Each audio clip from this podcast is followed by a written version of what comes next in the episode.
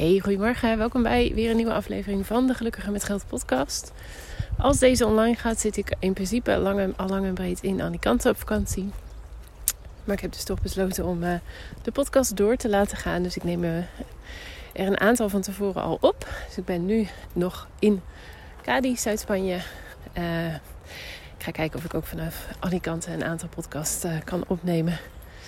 en die online kan zetten. Maar goed, waar het vandaag om gaat. Um, en ik denk dat dit wel eentje is die, die, die best wel een aantal van jullie zullen herkennen, denk ik zo.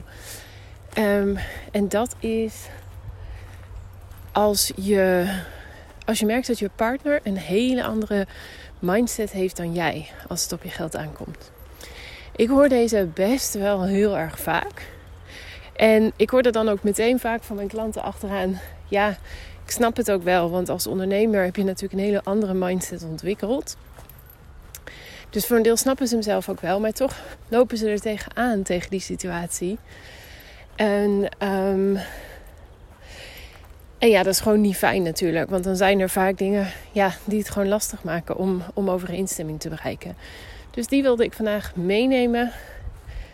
Um, ja, en ik denk dat er eigenlijk drie, drie onderwerpen zijn of drie tips die ik daar heb die ik met je mee wil geven.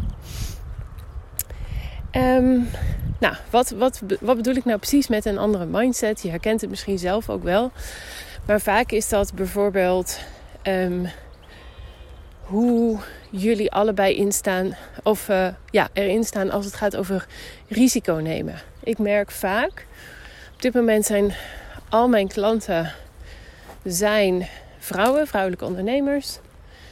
En um, ja, als ondernemer hoort er natuurlijk een beetje bij dat je risico neemt. Um, en wat ik merk is dat veel van mijn klanten zelf heel graag bijvoorbeeld zouden willen investeren. Uh, zouden willen gaan beleggen of in crypto's bijvoorbeeld.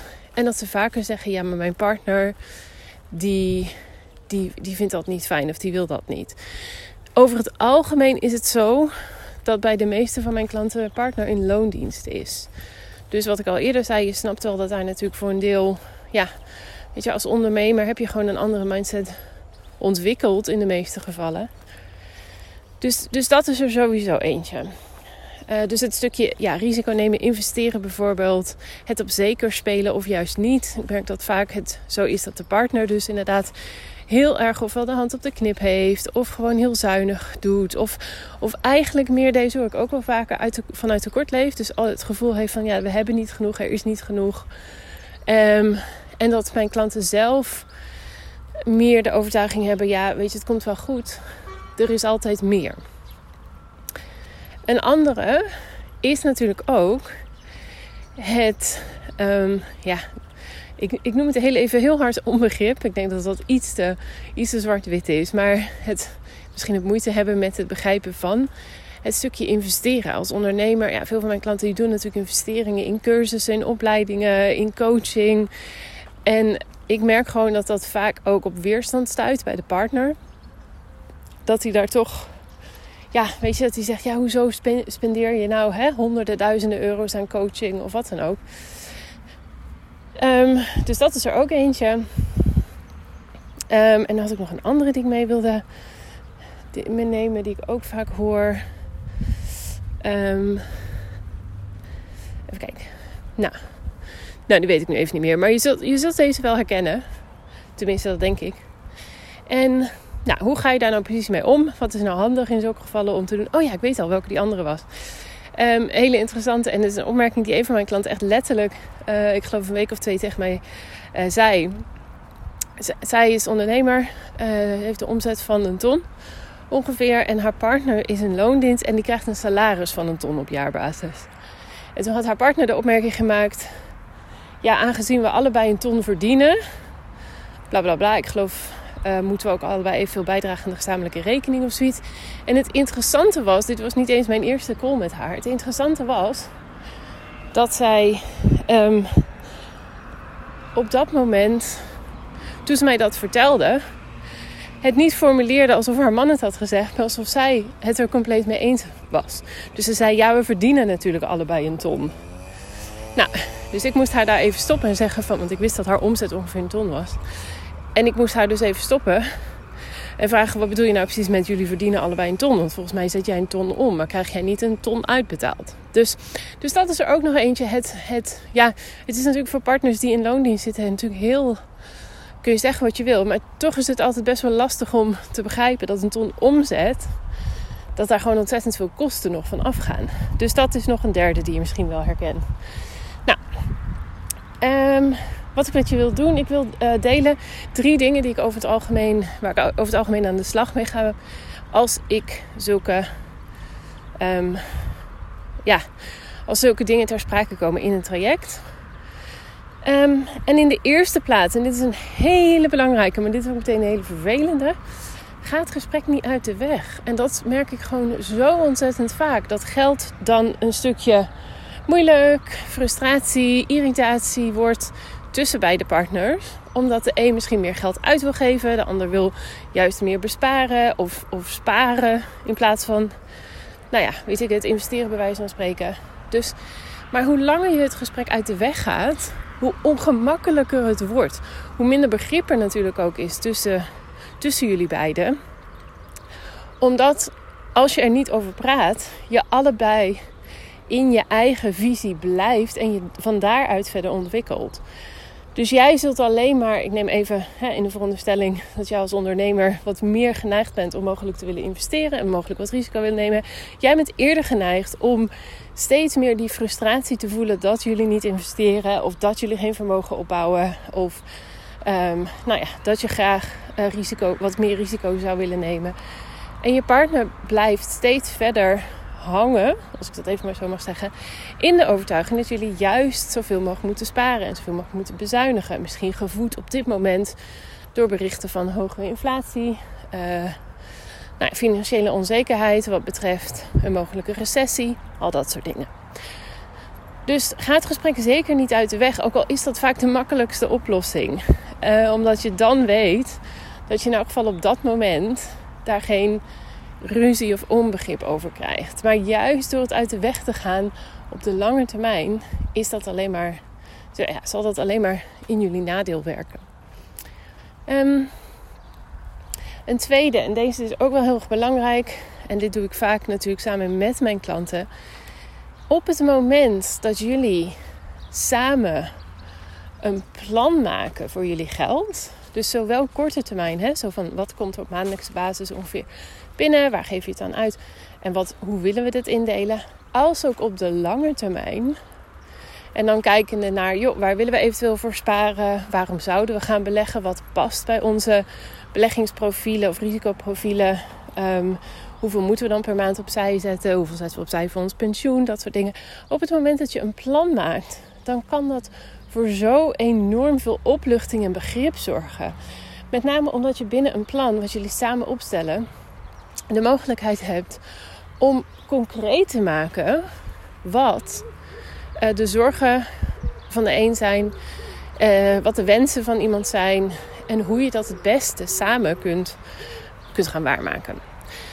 Um, juist op het moment dat er een plan is, terwijl je misschien in eerste instantie denkt: ja, dat lukt toch niet, want we hebben zulke andere ideeën. Maar juist op het moment dat je naar een plan gaat toewerken, komt natuurlijk punt 1, en dat is natuurlijk hè, dat gesprek openhouden, erover praten samen, komt natuurlijk weer daar ook bij kijken. En dat zorgt er gewoon samen voor dat jullie, um, dat jullie wel weer dat begrip krijgen en wel weer samen ergens naartoe kunnen gaan werken, wat voor jullie allebei werkt.